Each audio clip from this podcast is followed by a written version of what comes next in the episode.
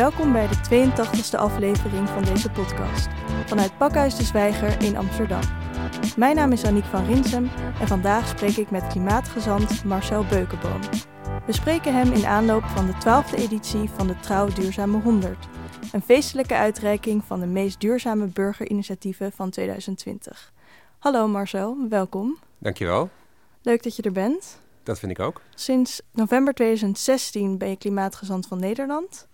Eerst onder het ministerie van Infrastructuur en Milieu en vanaf oktober 2017 onder het ministerie van Economische Zaken en Klimaat. Wat houdt de functie van klimaatgezant nou precies in?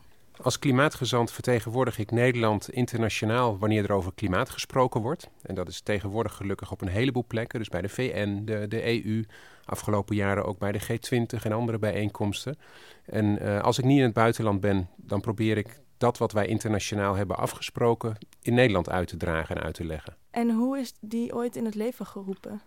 Dat is wel een, een aardig verhaal. Er waren andere landen die hadden al een klimaatgezant. En uh, toen uh, premier Balkenende bij uh, de, de, de, klimaatconferentie in Kopenhagen was in 2009... toen sprak hij met de toenmalige directeur-generaal Milieu... En zei hij, waarom hebben wij eigenlijk geen klimaatgezant? En toen zei uh, die DG, die zei van, uh, ja, maar eigenlijk doe ik dat werk. Nou, dan noemen we jou vanaf nu klimaatgezant. Dus zo is die, die term of die titel er eigenlijk een beetje ingekomen in Nederland. Maar toen was het dus eigenlijk niet meer dan een uh, aangeplakte naam aan een al bestaande functie. En ik ben de eerste die het helemaal fulltime doet. Want ook mijn voorganger die deed het nog gecombineerd met een andere taak. En hoe ben jij in deze functie gerold? Ik kom voort uit de diplomatieke dienst van Nederland. Dus uh, ik heb hiervoor allerlei andere diplomatieke rollen gehad in binnen- en buitenland. En uh, ook op verschillende thema's. En uh, dit is de eerste keer dat ik dat op klimaat doe. Dus ik ben klimaatdiplomaat geworden, maar wel vanuit die rangen van de diplomatie. Waarom heeft Nederland en de wereld in zijn algeheel een klimaatgezant nodig? Het, het hebben van een gezant, of we kunnen het ook anders noemen, een thematisch ambassadeur uh, dat betekent vaak dat je als land of als regering een bepaald thema extra aandacht wil geven. Je bent een gezant of een ambassadeur uh, namens je regering. En uh, dit betekent eigenlijk dat de regering iemand kan uitzenden als de minister in kwestie zelf niet kan. Dus wij vinden klimaat belangrijk in die internationale context. Net zoals dat wij water belangrijk vinden of mensenrechten, want daar hebben we ook speciaal ambassadeurs voor. en je ziet internationaal dat landen die een klimaatgezant hebben, ook allemaal ambities hebben op dat gebied van klimaat. En uh, je ziet zelfs dat als landen dat niet meer hebben, dus als er een andere regering komt te zitten, en het meest bekende voorbeeld daarvan is de Verenigde Staten. Ik had een Amerikaanse collega uh, in 2016, tot het moment dat Trump verkozen werd. En toen werd die man onmiddellijk de laan uitgestuurd. Ja, heel duidelijk. En zijn er nog andere landen die dan bijvoorbeeld andere gezanten hebben die wij niet hebben? Oeh, dat vind ik een moeilijke vraag. Weet ik eigenlijk niet. Maar ik weet bijvoorbeeld dat uh, Henk Ovink, die jij hier ook aan tafel gehad hebt, uh, de watergezant, dat hij de enige is in zijn soort. Ja. Dus ik kan me ook voorstellen dat andere landen die uh, een speciaal beleidsthema heel belangrijk vinden, daar ook een gezant op benoemen. Maar ik kan je eerlijk gezegd geen voorbeelden geven. Kijk, wij vanuit Nederland en onze, onze waarden uh, onderstrepen die graag uh, door het benoemen van een speciaal gezant. He, daarom hadden we een, een, hebben we een gezant op mensenrechten, we hebben een gezant op vrouwenrechten. Uh, we hadden in het verleden een gezant die zich bezighield met, met HIV-AIDS. Allemaal thema's die, die een zekere waarde met zich meebrengen en die we ook graag uitdragen in de wereld. En waar we ook voor zorgen dat de bijbehorende doelen, uh, ontwikkelingsdoelen, dat die dichterbij komen. Ja, en om het dan even wat concreter te maken, wat heb je bijvoorbeeld deze week gedaan? Ik ben deze week eerlijk gezegd heel veel bezig geweest met, uh, met corona. Uh, ik was druk bezig met uh, die ene helft van mijn werk. Hè. Ik vertelde je net, ik doe internationaal heel veel dingen. Maar als ik niet op reis ben, doe ik heel veel nationaal. Dus ik uh, was bezig met een initiatief om uh, lokale initiatieven in het zonnetje te zetten op een hele bijzondere manier. Ik zou langs uh, allerlei klimaatactie- en klimaatinitiatieven gaan fietsen volgende week. Ja. Um, maar dat kon vanwege de aangescherpte coronamaatregelen niet meer plaatsvinden. Dus ik ben bezig geweest met het afzeggen van al die afspraken. Want ook gelijktijdig met die fietstocht zouden ook de Nationale Klimaatweken van start gaan. Maar die zijn ook verplaatst naar volgend jaar, als ik het goed heb begrepen. Ze zijn gewoon uh, uh, afgelast. Ja, ja verplaatst dus, uh, naar volgend jaar stond ja. er op de website. Maar dat is natuurlijk een hele mooie manier om te zeggen dat ze gewoon dit jaar niet doorgaan. Precies, precies. Want we, we, we gaan ze elk jaar eh, organiseren als het goed is, zolang als het nodig is. In de klimaatwet is ook vastgelegd dat we een klimaatdag hebben. Dat zou de, de aftrap van die klimaatweken zijn. En ik zou met mijn fietstocht een soort van openingsact zijn geworden van die klimaatweken. Uh, maar ja, dat is, dat is allemaal dus uh, uitgesteld, afgelast en anderszins gaat het niet door. En hoe voorzie jij dat de coronacrisis, wat voor impact dat gaat hebben of al heeft op klimaatactie? Het heeft nu een enorm grote impact. eigenlijk op twee manieren, zoals ik het nu zie. De, de ene kant is dat wij uh, nu veel minder reizen, veel minder uh, ja, uitstoten eigenlijk op, op in zijn algemeenheid. Dus we zagen een, dit jaar een dip in de mondiale emissies, wat ergens een beetje goed nieuws is. Um, maar je ziet tegelijkertijd ook dat um, de, de politieke aandacht voor, uh, voor klimaat, dat die ook afgenomen is. En mijn werk als, als, als klimaatgezant zit er nu ook een beetje in om, dat, om die aandacht er wel te houden, maar eigenlijk om die twee een beetje aan elkaar te koppelen en om te kijken of wij de coronacrisis en de daaruit volgende uh, economische crisis, of we die toch ook uh, kunnen verbinden aan die klimaatcrisis, zodat we aan groen herstel gaan werken. Dus zodat we de investeringen die we nu de komende tijd gaan doen in onze economie, dat die ook bijdragen aan die transitie naar een, een groener ontwikkelingspad. Heb je daar wat concrete voorbeelden van? Kijk bijvoorbeeld naar uh, iets als, uh, als, als infrastructuur of mobiliteit. Um, daar waren natuurlijk allerlei plannen uh, al voor gemaakt om dat op een groenere manier te gaan doen, op een duurzamere manier te doen. Um, nu stortte de economie in en heeft, hebben veel regeringen als, als eerste belang eigenlijk om de economie weer draaiende te krijgen, om om lonen te gaan uh, blijven doorbetalen, mensen aan het werk te houden. En uh, een aantal van dat soort investeringen kunnen eigenlijk naar voren gehaald worden in de tijd. Zodat we zeg maar de, in de planning misschien aanvankelijk in 2023 iets zouden gaan doen. Dat je dat nu in 2020 of 2021 al gaat doen. Zodat mensen aan het werk blijven, maar zodat je ook tegelijkertijd in groenere infrastructuur uh, gaat investeren, zodat die, die transitie eigenlijk versneld wordt. Zijn er ook negatieve effecten die jij voorziet? Waar het mis kan gaan, is dat je uh, investeert in industrieën of in, in uh, ondernemingen die eigenlijk geen plek meer zouden moeten hebben in hun huidige vorm in een, de toekomst die we voor ons zien. Die, die voldoet aan die afspraken die we in het akkoord van Parijs hebben gemaakt. Zoals? Nou ja, uh, heel erg op fossiele brandstoffen gebaseerde ondernemingen. En je zou dus eigenlijk zeggen, prima om uh, de producten die zij voortbrengen of de diensten die zij voortbrengen te handhaven, maar laten we dat op een manier doen die schoon is. En als je dus nu investeert in de oude vorm, zou ik maar zeggen, dan leg je als het ware weer een aantal jaren vast, omdat voor elke investering geldt dat je die wilt, terug wilt verdienen. En dat is een soort van lock-in, noemen ze dat, in, in dat oude systeem. En uh, wil je aan groen herstel werken, of zoals de, de secretaris-generaal van de VN dat noemde, Building Back Better, uh, dan zul je dus nu keuzes moeten maken die juist dat gaan doen. En dat, dat is de, de, de politiek ingewikkelde knoop uh, die, die moet worden ontward. Ja, en is er over het algemeen veel animo voor groen herstel, of zijn de meeste mensen daar nog niet zo mee bezig? Op het hoogste politieke niveau wereldwijd zou ik zeggen ja, er is heel veel animo voor. Um, de grote opgave ligt erin dat we die animo, we horen het in speeches van de al eerder genoemde Gutierrez, uh, maar ook van, van Lagarde, uh, Georgieva bij het IMF. Allemaal hebben zij in speeches de afgelopen maanden uh, benadrukt dat het heel belangrijk is om aan groen herstel te werken. De grote vraag is natuurlijk hoe? Hoe gaan we dat in de praktijk doen? En daar zitten we eigenlijk middenin. We hebben de, de eerste herstelpakketten hebben we gezien. Die waren, uh, als je erop terugkijkt, in heel veel gevallen kleurloos. Dus niet bruin, maar ook niet groen omdat dat in heel veel gevallen gewoon het doorbetalen van salarissen was. Dat hebben we in Nederland natuurlijk ook gezien. Uh, maar nu komt er een, een volgende ronde aan, aan herstelbetalingen, investeringen. En daar moet de, de kleur echt een stuk groener van worden. En gelukkig zien we in, in Europa dat ehm, de Europese Commissie in zijn voorstellen de Green Deal als kader voor die investeringen neemt.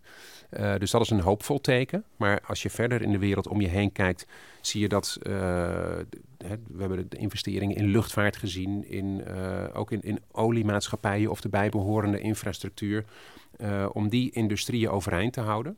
En daarvan kun je inderdaad ook zeggen, die zijn heel cruciaal voor het laten draaien van onze economie.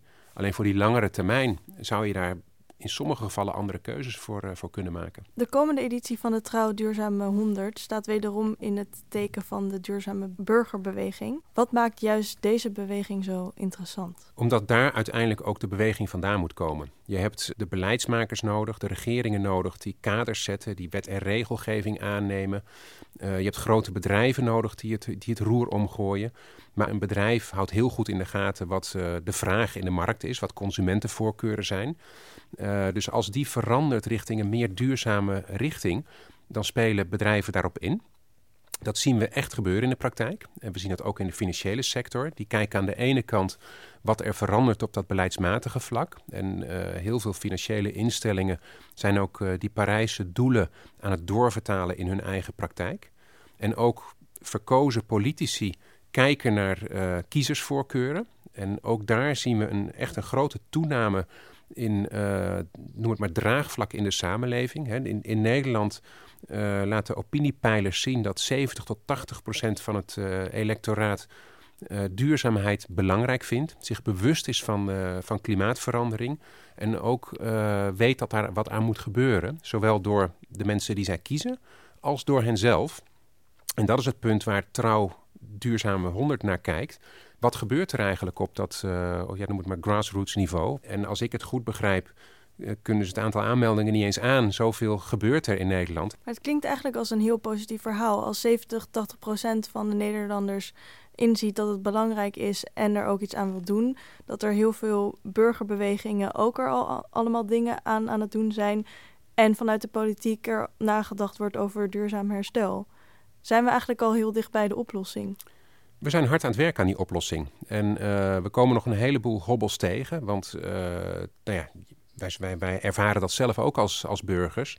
Kijk, het liefst zou je morgen je hele huis uh, klimaatneutraal hebben, een elektrische auto hebben, noem het allemaal op. En ook gebruik maken van een systeem dat jou in staat stelt om dat allemaal te doen. maar daar zijn kosten mee gemoeid, er, is, er zijn andere randvoorwaarden bij. Hè het simpele gegeven dat er niet eens voldoende installateurs zijn om dat allemaal te gaan doen voor je. Nog los ook van een, een misschien wel grotere vraag. Um, hier zit ook, zitten ook andere grenzen aan de groei aan. Beschikbaarheid van grondstoffen. Um, de, de, de inrichting van onze economie, van, die van lineair naar circulair moet. Dat soort onderliggende vragen zijn er ook. En um, uh, dat is iets wat je als burger maar ten dele kan beïnvloeden. Dus je bent in je duurzame gedrag ook afhankelijk van het systeem waarin je zit. En uh, daar, als wat ik eerder zei, daar kun je wat aan doen door je eigen keuzes. Uh, zowel in je koopgedrag en je, en je, je woon- en werkgedrag. Uh, maar ook als, als kiezer. En dan hoop ik ook graag dat we dat verhaal heel positief kunnen houden. Dat die beweging echt die goede kant op blijft gaan. Want is het wel realistisch om dat positieve verhaal te hebben? Want we gaan de goede kant op, maar aan de andere kant gaat de wereld over het algemeen warm nog steeds op. Kijk, ik, ik zeg wel eens, het is mijn plicht om optimistisch te zijn. Uh, en dat probeer ik ook echt uit te dragen. En vandaar dat ik ook dat soort initiatieven neem om uh, positieve voorbeelden in het zonnetje te zetten. Uh, maar tegelijkertijd moeten we ook heel realistisch zijn. En als we naar de, de harde cijfers kijken, dan zien we dat het aandeel hernieuwbare energie in de totale energiemix nog veel te laag is. we zien inderdaad dat, dat de opwarming nog gewoon doorgaat. En uh, kijkende naar het, dagelijkse nieuws zien we niet heel veel vrolijke berichten komen. Niet van uh, de Noordpool, niet vanuit uh, de, de bosbranden, niet vanuit de droogtes in, in, in andere delen van de wereld. Dus dat soort indicatoren zijn er ook. Um, die motiveren mij om er nog harder tegenaan te gaan. Um, maar tegelijkertijd ook om op dat internationale vlak te blijven inzetten. Wij moeten als Nederland ons aan ons end van de deal houden. Uh, maar we moeten er ook hard op inzetten dat anderen dat ook doen. Want alleen kunnen we dit ook niet. Want hoe staat het globaal met deze transitie naar een duurzamere wereld? Ook daar kun je uh, twee benaderingen kiezen. Die van het glas dat half vol is en het glas dat, uh, dat half leeg is. Um, er zijn, als we om ons heen kijken, positieve dingen te vinden. Om te beginnen dicht bij huis in Europa. Ik noemde net al de, de Green Deal. en ook het feit dat eh, Europa een stip op de horizon heeft gezet en zegt wij willen in 2050 helemaal klimaatneutraal zijn. Afgelopen week heeft uh, China zich daarbij gevoegd. Die hebben ook een langetermijn doel vastgesteld. Uh, en die zijn ook hard aan het investeren in plannen, ook op de kortere termijn, om wat aan die duurzame energie te gaan doen en op andere manieren de uitstoot terug te dringen. we zien voorzichtige bewegingen die kant op in, in grote landen als Zuid-Korea en, en Japan. Um, maar de grote vraag, als we heel eerlijk zijn, blijft op de korte termijn: wat gebeurt er in de Verenigde Staten? De mhm. echt grootste uitstoter uh, wereldwijd. En uh, ook in die klimaatonderhandelingen altijd een, een toonaangevend land geweest. Parijs was er niet geweest zonder de Verenigde Staten. En um, die 3 november, wanneer de verkiezingen zijn in de Verenigde Staten, zal heel bepalend zijn. Ook voor de, de bredere ontwikkelingen wereldwijd op dit vlak. En hoe ga je ermee om als je met mensen samen moet werken die uit loyaliteitsoverwegingen of politieke overwegingen de klimaatproblematiek heel erg bagatelliseren? Of misschien zeggen dat we al genoeg doen, of zich daar niet zo mee bezighouden. Hoe ga je daar dan mee om? Nou ja, die probeer je aan de ene kant uh, uh, toch op de feiten te wijzen. Waar mensen die, die het bagatelliseren vaak op uitkomen, is, is dat onderdeel van de klimaatwetenschap dat een verband legt tussen menselijk handelen en uh, klimaatverandering. Nou, de wetenschappen is er uh, uit, daar ligt een stevig verband. En dat uh, menselijk gedrag is vooral ons gedrag uh, geweest om fossiele brandstoffen in zo'n hoog tempo te gaan, gaan opstoken. Um, dus zelfs als je zegt van nou god, ik, ik vind dat een, een wat wankel verband. ik blijf lekker doorgaan met het verstoken van fossiele brandstoffen. Kun je op andere gevolgen daarvan wijzen. en dat is ehm, uh, ja, verder andere aantasting van ons milieu, van de, de, kwaliteit van water, van, van lucht, van bodem. Uh, en ook die grenzen die komen razendsnel in beeld. Hè, dus uh, wat, wat de Club van Rome in begin jaren 70 al zei, die wezen op de grenzen aan de, onze groei. Ehm, die grenzen zijn we nu hard tegenaan aan het lopen en is in veel gevallen al overheen. Dus ook om, om onze manier van leven op een of andere manier overeind te houden, zul je daar aandacht voor moeten hebben. En dat is het, het verhaal wat ik vertel tegen mensen die, uh, ja, die wat minder snel in actie willen komen en die het lastig vinden om hun huidige manier van leven om te gooien. Um, en uiteindelijk toch ook hen te inspireren om mee te doen. Want ik heb als, als klimaatdiplomaat, als gezant, ik heb geen hele harde instrumenten in mijn gereedschapskist ik, ik, kan geen belasting gaan heffen en ik kan geen straffen uitdelen. Ik moet het hebben van mijn overtuigingskracht en uh, van, van hopelijk inspirerende woorden. En dat probeer ik met volle overtuiging te doen. Maar is het voor die mensen dan niet soms ook gewoon nog steeds een beetje een ver van mijn bedshow? Dat ze, dat ze zoiets hebben van ja, andere mensen die krijgen problemen met water. En ik zal daar persoonlijk niet echt of eh, last van ondervinden. En de mensen in mijn omgeving ook niet. Dus ik ga me daar niet voor inzetten. Wat ik wel kan zeggen is dat mensen uh, het ook in hun eigen omgeving al kunnen zien. Hè, we hebben in Nederland uh, de afgelopen zomers ook te veel droogte gehad. Uh, ook extreme weerssituaties in Nederland nemen toe. En onze zeespiegel zal de komende decennia ook blijven stijgen. Dus het is al lang geen ver van ons bedshow meer. En dat, denk ik, is er mede uh, voor verantwoordelijk dat ook dat cijfer wat we eerder noemden van die 70, 80 procent van de Nederlanders die het zien, ik denk dat dat daar ook mee te maken heeft. de, de, de berichtgeving is, is een constante stroom geworden aan dit soort eh, verhalen van jongens, de klimaatverandering staat bij ons op de stoep. En hoe reëel is het scenario dat Nederland onder water gaat lopen? Want je zou een fietsstoel gaan maken langs een denkbeeldige kustlijn. Maar hoe ziet dat eruit? Kijk, eh, het hangt er een beetje vanaf wat voor termijn je daarvoor uh, hanteert. Uh, er zijn ook in Nederland door Universiteit Wageningen bijvoorbeeld scenario's gemaakt voor over een eeuw. Nou, de, de, daar lopen de schattingen wat uiteen. Maar dat zou om, om 80 centimeter bijvoorbeeld kunnen gaan. dat kunnen we met de kennis en, en het geld ook dat we nu hebben nog aan. dus die denkbeeldige kustlijn waar ik langs zou gaan fietsen... was een, vooral een symbolisch gekozen route... Uh, om, om de urgentie te benadrukken van het vraagstuk. Maar de nadruk in mijn verhaal zou toch vooral liggen dat er ook op die lijn in Nederland heel veel initiatieven zijn te vinden die, uh, die bijdragen aan het voorkomen daarvan. Maar uh, als je kijkt over drie, vier, vijf eeuwen, bij wijze van spreken, dan hebben wetenschappers het over enkele meters, zo niet nog meer zeespiegelstijging, als, dat we, als we niks zouden doen aan klimaatverandering ja, ik ben bang dat we dan ons boeltje wel kunnen inpakken hier. Ja, maar het klinkt toch paar eeuwen, dat klinkt als een geleidelijke verandering. Dus dat we dan elke keer weer iets kunnen aanpassen. Ja, nou, ik, ik heb wel eens ehm, eh, meegemaakt dat er bezoekers uit het buitenland kwamen. Eh, en die namen we dan hier mee door, uh, door Noord- of Zuid-Holland. en dan zeiden we van, god, hier staan we nu drie, vier meter onder de zeespiegel. Dat die mensen in paniek raakten en dachten van, oh, maar wat, wat als nou als die dijk waar we achterlopen het begeeft, dan verdrinken we. Wij denken daar in Nederland niet meer over na. Nederland heeft een, dat is ook door internationale studies wel vastgesteld, een bijzonder laag uh, bewustzijn van waterveiligheid. Omdat wij zo verwend zijn dat we dat regelen. En dat zit ook een beetje in jouw vragen opgesloten. Mhm. We regelen het toch wel, we passen ons toch wel aan. Dat klopt. We passen ons ook aan. En dat hebben we over de eeuwen ontzettend goed gedaan. We zijn wereldwijd meesters in, het, uh, in klimaatadaptatie, noemen we dat tegenwoordig. Maar in, in watermanagement, in, in uh, waterveiligheid ook. Maar uh, ja, de vraag is, kunnen we dat eeuwenlang volhouden?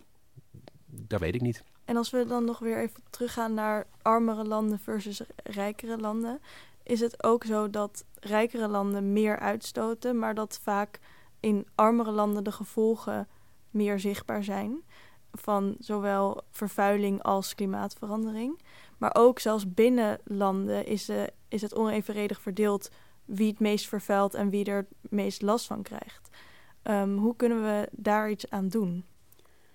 Daar zie je dat de, uh, de klimaatopgave niet een puur milieuvraagstuk is. Het is een, een, uh, een milieu of een klimaat en een sociaal vraagstuk en een verdelingsvraagstuk.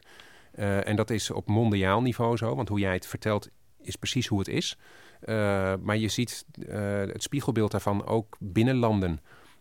rijkere mensen kunnen nou eenmaal zich meer veroorloven, hebben vaak meerdere auto's, grotere huizen, meer vliegvakanties dan armere mensen. Dus wil je die, die, dit vraagstuk aanpakken, dan zul je ook moeten nadenken over de sociaal-economische gevolgen daarvan en hoe je de lasten van de transitie zelf, dus de kosten die daarbij komen, uh, verdeelt.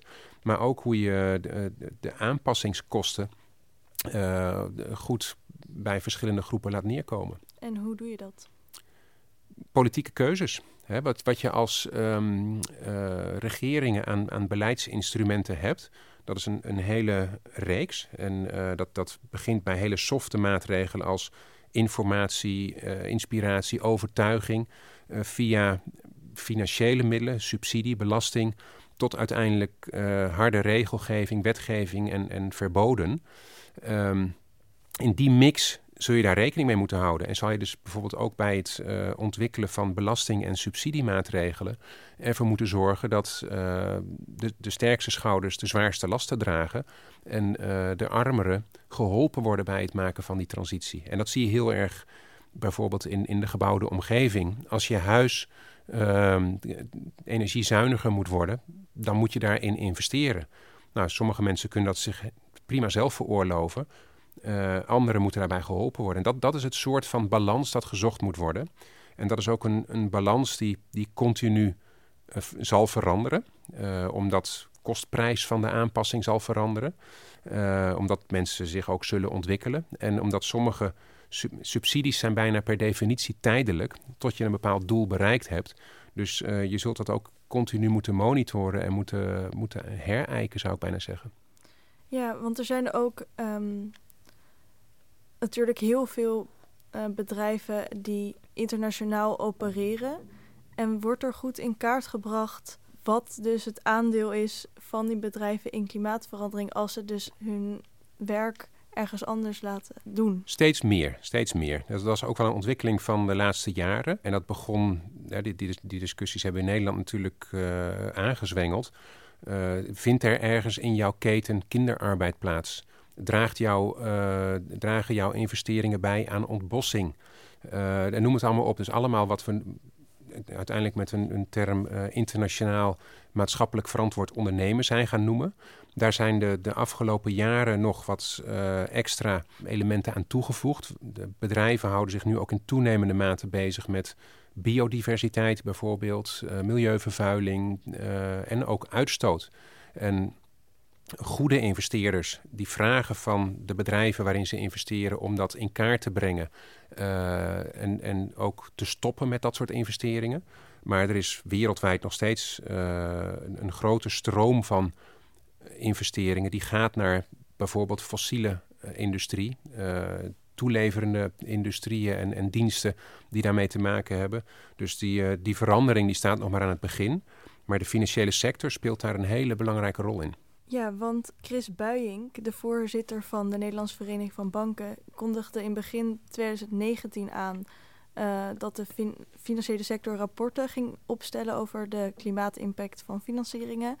En dat uiterlijk in 2022 actieplannen zouden worden opgesteld om de impact te beperken. Het is natuurlijk nogal een statement. Um, van waar deze groeiende toewijding ten opzichte van de klimaatcrisis in de financiële sector, denk je? Nou, ook, ook om het simpele feit dat ook in uh, de financiële sector mensen werken die burgers zijn in Nederland en voor een belangrijk deel bij die 70, 80 procent horen uh, waar we het eerder over hadden. Dus dat bewustzijn van klimaatverandering, uh, dat groeit. En ook het bewustzijn dus dat je daar zelf een, een rol in kan spelen, dat je er invloed op kan uitoefenen. Maar de financiële sector zou de financiële sector niet zijn als ze niet ook gewoon keken naar uh, de houdbaarheid van hun eigen investeringen, naar de stabiliteit van het financiële systeem. En uh, Chris Buijing staat daar niet alleen in. Ook de Nederlandse Bank heeft uh, de afgelopen jaren bij herhaling aangedrongen in de financiële sector om hier rekening mee te houden. En om te voorkomen dat de investeringen op de langere termijn niet houdbaar meer zijn en dat doen zij op basis van een, uh, een analyse van klimaatverandering zelf. Dus klimaatverandering heeft op zichzelf al invloed op je investeringen. Maar ook op uh, de, daaruit, de daarop toegespitste regelgeving vanuit de financiële sector en ook vanuit de toezichthouder dus wordt er gekeken van wat kunnen we eigenlijk gaan verwachten de komende jaren, de komende tientallen jaren. En die hebben gewoon gekeken naar een akkoord van Parijs, naar een Green Deal in Europa. En uh, je kan voorspellen dat daar steeds strengere regelgeving op zal komen. En dat in toenemende mate de vervuiler zal gaan betalen. En dat dus ook investeringen in vervuilende industrieën duurder zullen gaan worden. En dus minder rendement gaan opleveren. En uiteindelijk de stabiliteit van het systeem gaan bedreigen. Dus zij zeggen: spreid je investeringen. Uh, ga uit fossiel. En zorg ook, en dat is denk ik ook waar Chris een beetje op uh, doelde, uh, zorg dat je ook goed doet met je investeringen. Zorg ervoor dat jouw investeringen bijdragen aan het tegengaan van klimaatverandering. Want ook dat zal uiteindelijk ertoe bijdragen dat jij op de langere termijn rendabel blijft. En hoe staat het nu met die actieplannen? Een heel mooi voorbeeld is het partnership Carbon Accounting Financials. dat is een, een initiatief dat een methode heeft ontwikkeld uh, waarmee financiële instellingen dat kunnen doen. Zodat je als het ware een soort eh, CO2-boekhouding hebt. Dus dat je naast je, je financiële boekhouding ook een CO2-boekhouding hebt. En dat je daar dus ook een, een prijs aan kan koppelen. Soms de reële prijs in eh, CO2-markten, die bestaan internationaal al. Soms ook een prijs waar je zelf mee kan rekenen. En dat je op basis daarvan dus ook je, je investeringsbeslissingen kunt, kunt aanpassen. Je hebt ook wel eens gesteld dat iedereen een rol heeft in klimaatverandering. Hoe zie je dat voor je? Ik gebruik wel eens het, uh, het voorbeeld van de bakker. de bakker, zou je kunnen zeggen, is verantwoordelijk voor een heel simpel product, namelijk brood. Um, en hij moet ervoor zorgen dat dat elke ochtend in de winkel ligt daar zou je kunnen zeggen, dan is de taak van de, de bakker is, volbracht. Hij draagt bij aan voedselzekerheid en voeding van de bevolking. Maar als je ook voor de bakker uitzoomt, dan kan hij zich bijvoorbeeld druk gaan maken over waar komen mijn grondstoffen eigenlijk vandaan. Uh, doet die boer die mijn graan verbouwt, doet hij dat op zo'n manier dat hij uh, het, het klimaat niet nadelig beïnvloedt? En aan de andere kant van zijn keten, wat doet de, uh, de consument met, met het product zelf. Um, wat voor verpakkingsmaterialen gebruik ik en wat doet mijn, mijn consument daarmee? Dus ineens ben je uitgezoomd, kijk je naar je effect op, uh, op een veel grotere keten.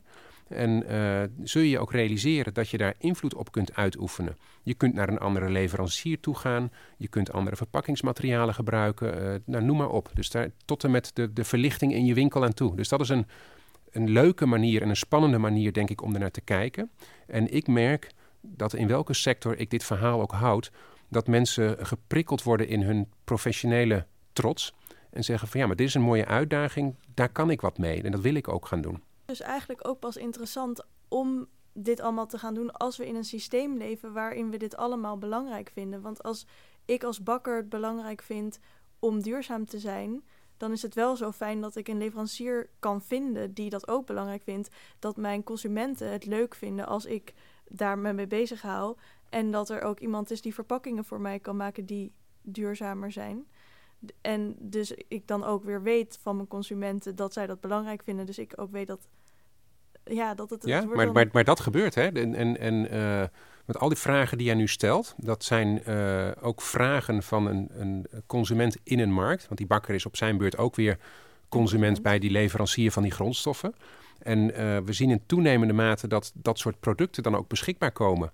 Er zijn inmiddels biologisch afbreekbare plastic zakjes. En uh, er zijn inmiddels uh, boeren die op een biologische manier binnen de grenzen van het ecosysteem hun bedrijfsvoering opzetten. Dus het kan allemaal. En, dat komt dus omdat we met z'n allen geloven in dat dit de manier is waarop we vooruit willen. Ja, ja.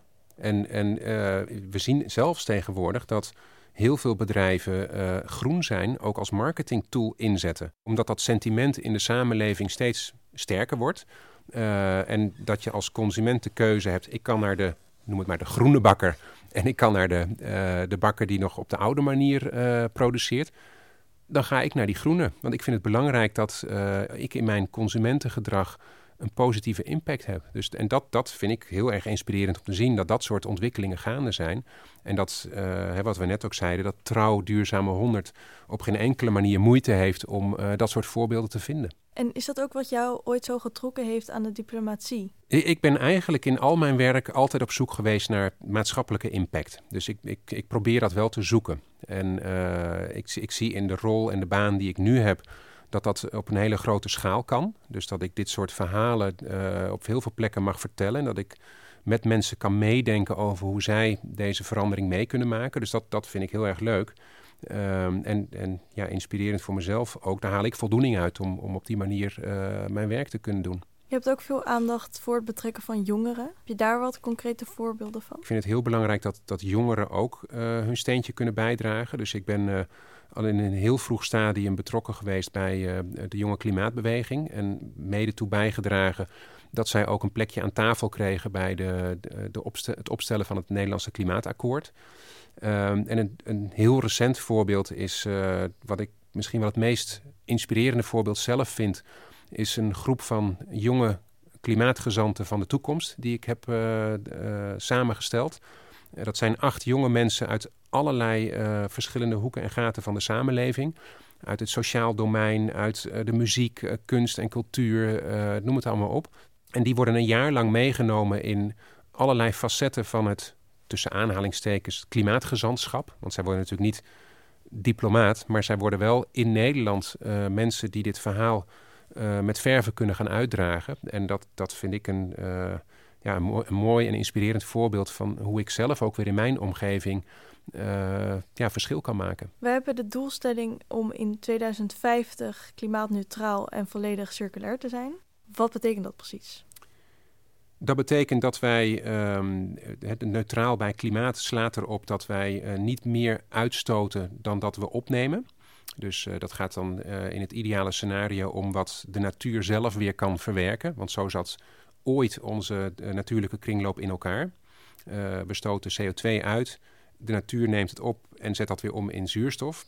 Maar dit gaat dus over bomen? Ja, in bredere zin. Hè. Er zijn meerdere manieren waarop de natuur CO2 en andere broeikasgassen opneemt. Dus ook de, de oceanen bijvoorbeeld. Dus ehm, daar moet een evenwicht ontstaan. En als het gaat om circulaire economie, hebben we het ook over evenwicht. Maar dan veel meer op die andere agenda's, waar we het eerder ook over hadden. Met name op het punt van uh, het gebruik van grondstoffen. En gaat het ons lukken? In Nederland hebben we daar uh, de eerste uh, stevige stappen op gezet. Met een klimaatwet, een klimaatakkoord en ook verdere uitwerking. De kolenwet is er ook zo eentje. Er zijn verschillende de, de wet- en regelgeving trajecten al gestart. Uh, en ook wat ik eerder noemde, hè, op, het vlak van uh, subsidies en, uh, en, belastingen, zie je dat er een vergroening plaatsvindt. Dus dat is wat er op dat vlak kan en moet gebeuren en ook al aan het gebeuren is. En dat moet langzamerhand verder uitgewerkt worden en ook doorvertaald worden in, in acties van bedrijven en consumenten. en je ziet dus ook op heel veel, bij heel veel lokale overheden dat daar ook hele ambitieuze doelen gesteld worden. En er zijn verschillende grote steden al in Nederland die die stip op de horizon nog veel eerder hebben gezet. die, die in sommige gevallen al 2040 of in 2035 klimaatneutraal willen zijn. En daar dus ook al uh, heel concreet mee aan de slag zijn. Met, met het verduurzamen van hele woonwijken en, en openbaar vervoer en noem het allemaal op. Dus dat zijn echt wel, wel positieve signalen als je mij vraagt. Heel veel dank, Marcel Beukenboom. Beste luisteraars, dit was de 82e aflevering van de podcastserie van Pakhuis de Zwijger. Wil je meer weten over dit onderwerp? Kijk dan op donderdag 8 oktober live mee naar de livecast De Duurzame Top 100. Of kijk het later terug op onze website als je dit later luistert. Meer informatie over de andere livecasts van Pakhuis de Zwijger is te vinden op dezwijger.nl. Een rating achterlaten of je abonneren op deze podcast kan via SoundCloud, Spotify, iTunes of een ander podcastplatform. Dank voor het luisteren en tot de volgende keer.